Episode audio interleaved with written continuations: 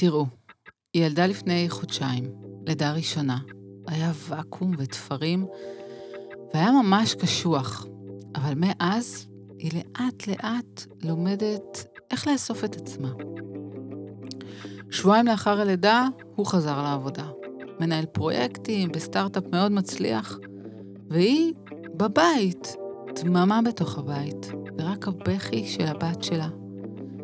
ערימות של כביסה וכלים בכיור, ולא ברור לה מתי תחזור לעצמה, ובטח שלא מתי תחזור לעבודה. והוא, הוא חוזר בשש בערב, וברור שהוא צריך לפרנס.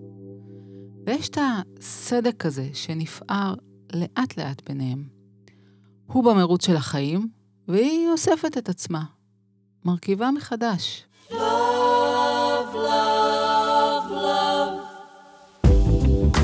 היי, קוראים לי אביגיל גורן.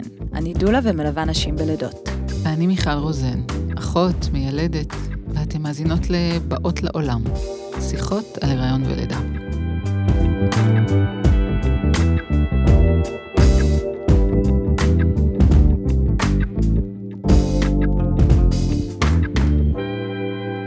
נמצאת איתנו היום דיאנה אידלמן, יועצת משפחתית וזוגית, ממקימות מרכז דיאדה לשעבר שהיה בית להיריון ולידה.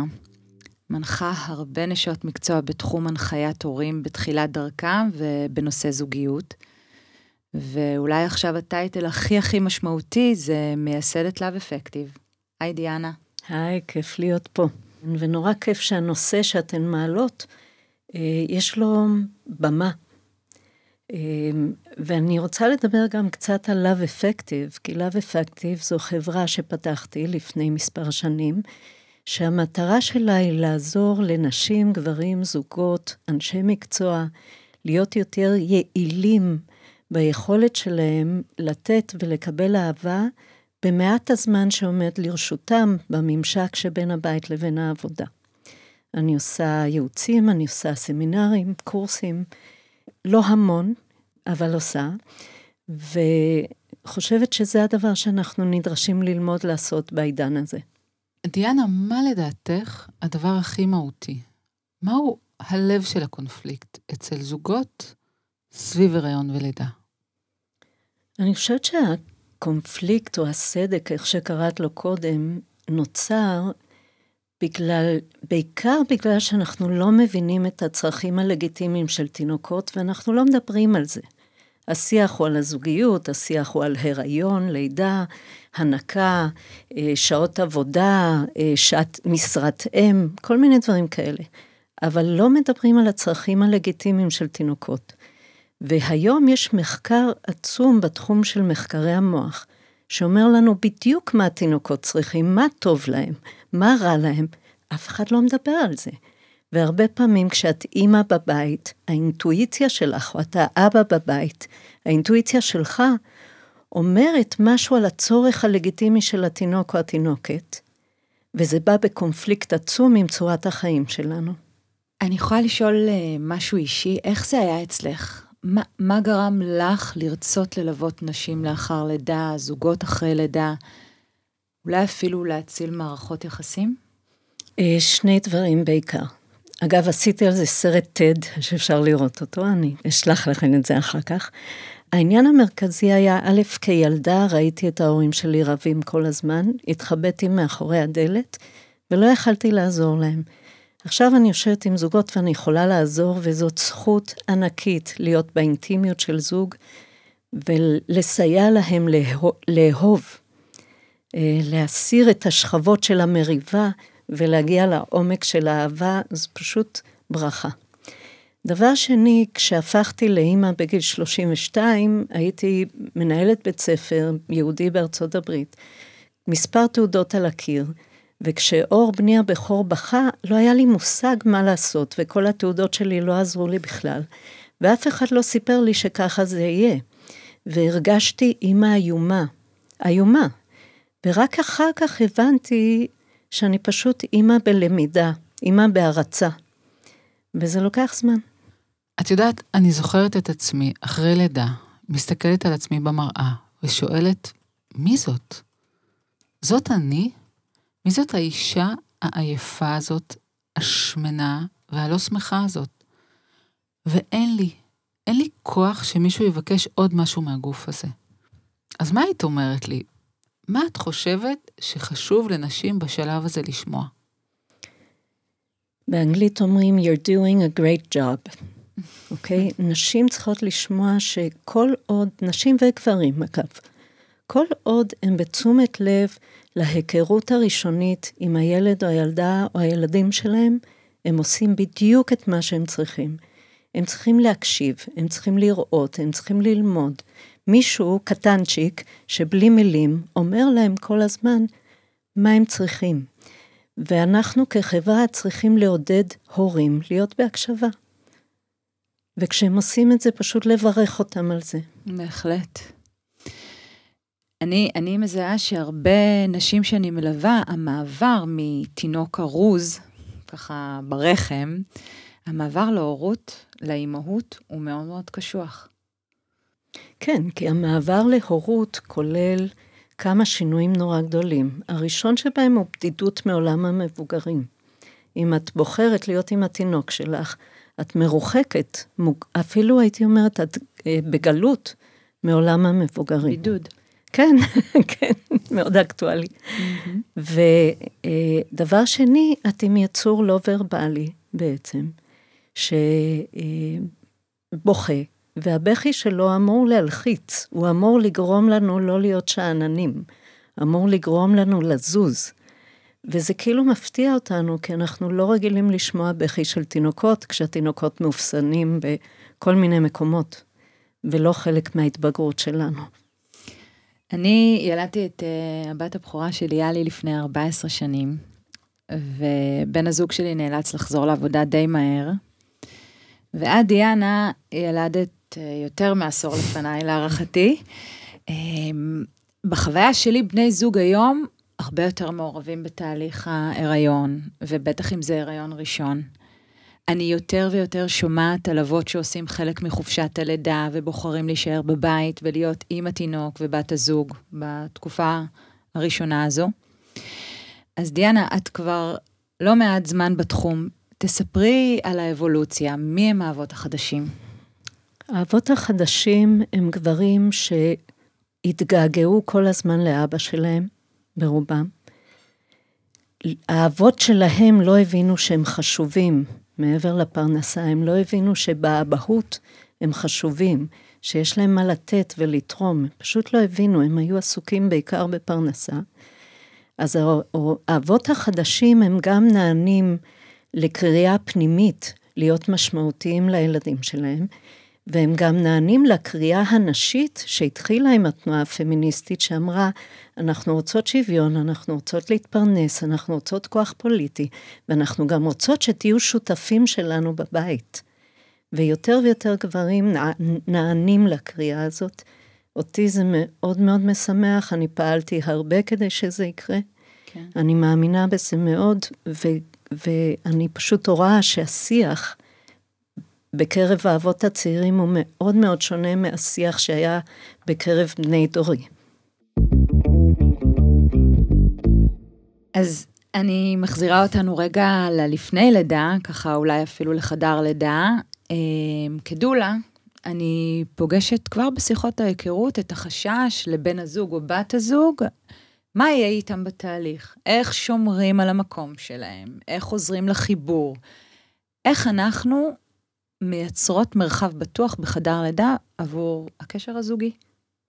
אז אני שמחה שאת שואלת את זה ככה, כי את בעצם אומרת איך שומרים את המרחב לקשר.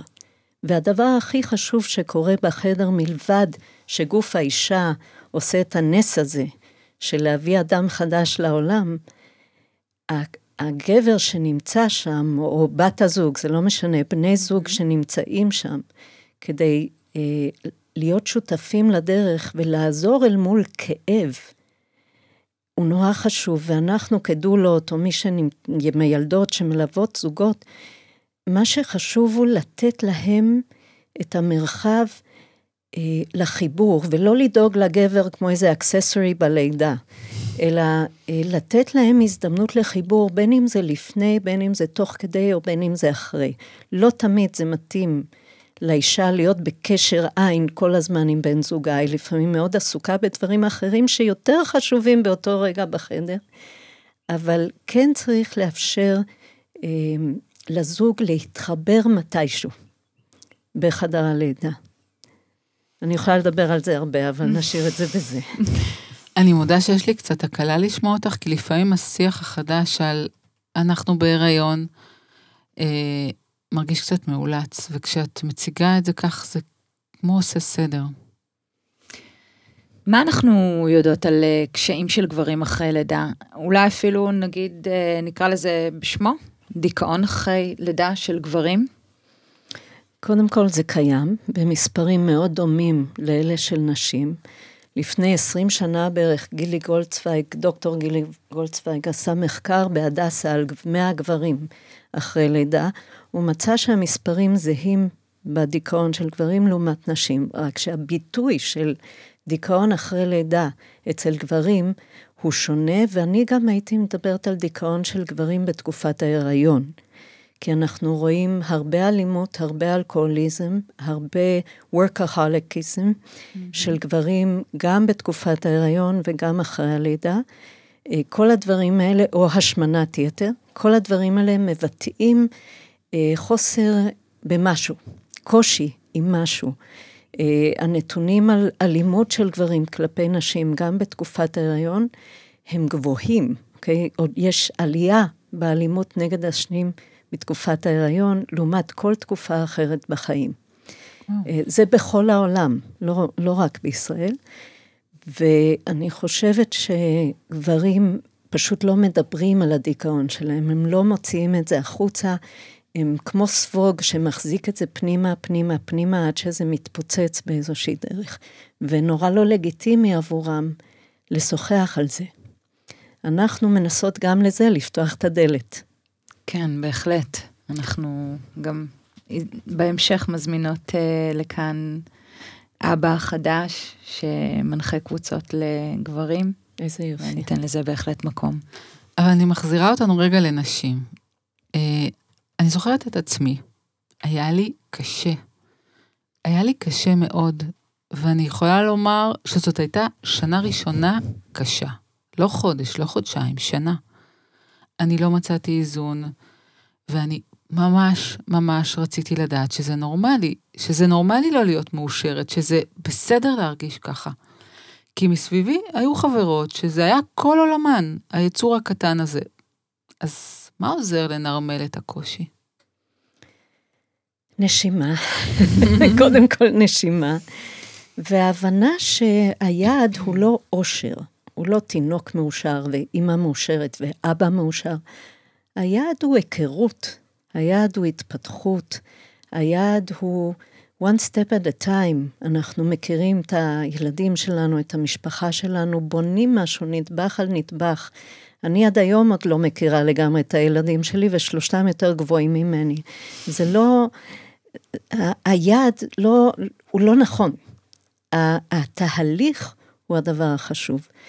וכמו כל תהליך, יש בו עליות וירידות, יש בו זמנים של עושר עילאי וזמנים של כאב נוראי. ו-Welcome to the club, כאילו זה מועדון ההורות, זה לחוות המון דברים בו זמנית, המון אהבה למישהו אחר, וגם לרצות לאהוב את עצמך, המון אהבה לזהות של תינוק או תינוקת חדשים, ולרצות לזהות מי את בתוך כל זה. וזה תהליך שהולך ומשתנה כל הזמן.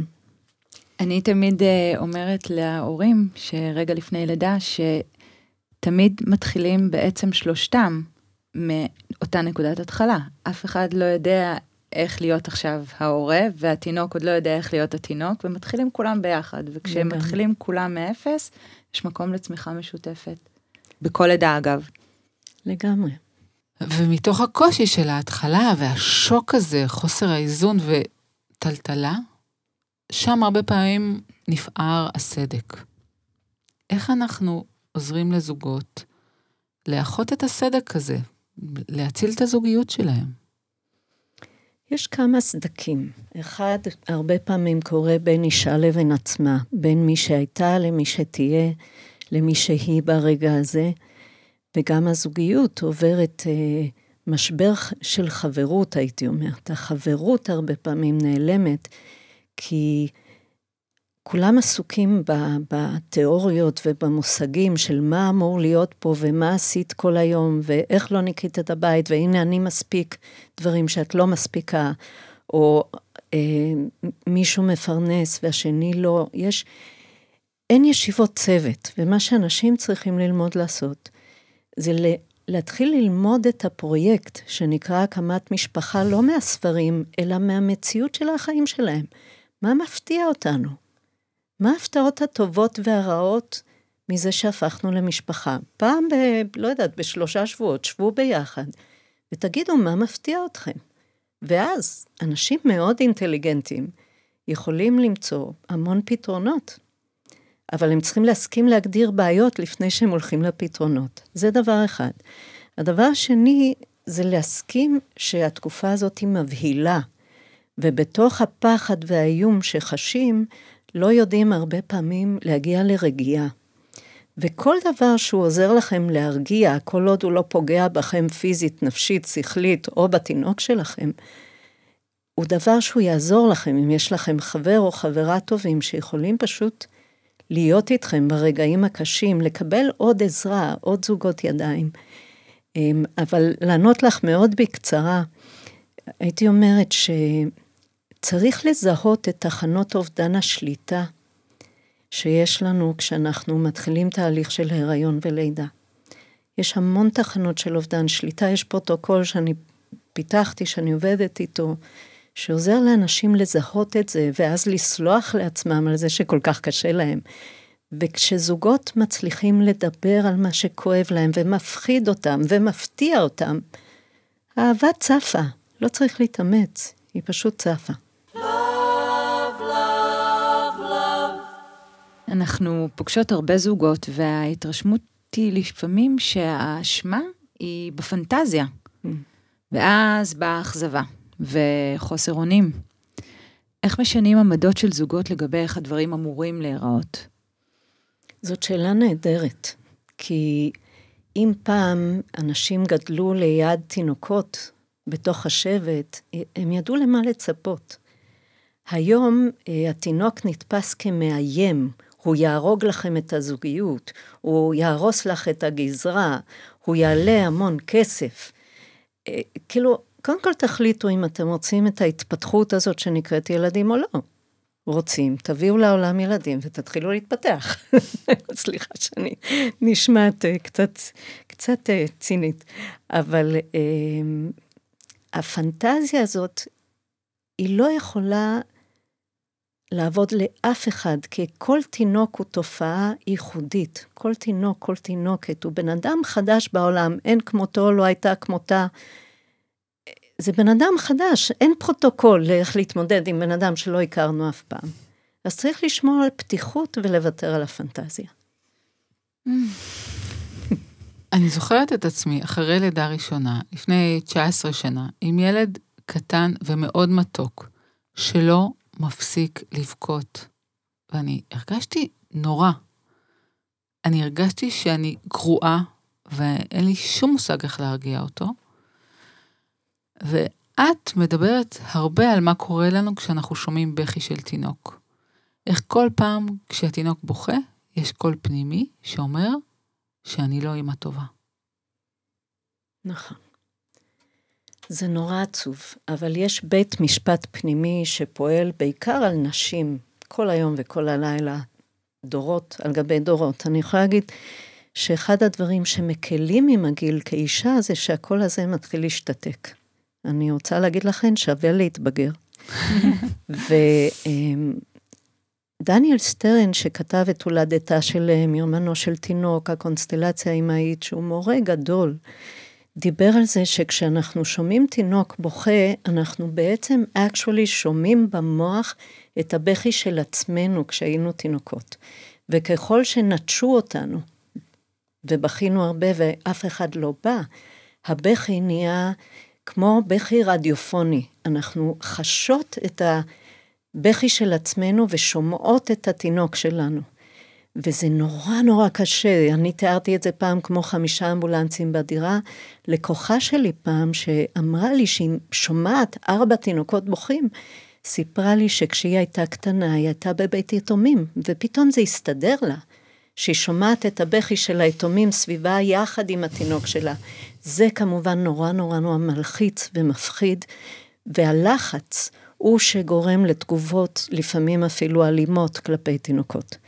במיוחד באמצע הלילה, כשזוג מתעורר בפעם השביעית, בעייפות הזאת, והעייפות יוצרת גם את ה... שהתינוק ישתוק כבר, אבל אני אימא לא טובה שאני כועסת עליו. כל, ה, כל הדומינו הזה של המחשבות יכול לייצר אה, אלימות. ולכן נורא חשוב שנעבוד כולנו בלנסות להרגיע סטרס, ללמוד טכניקות להרגעת סטרס בהיריון כבר. עוד לפני שיש לנו תינוק בוכה בלילה. כאן נסיים את החלק הראשון של השיחה עם דיאנה, זוגיות אחרי לידה. מוזמנות להצטרף אלינו לחלק השני של השיחה.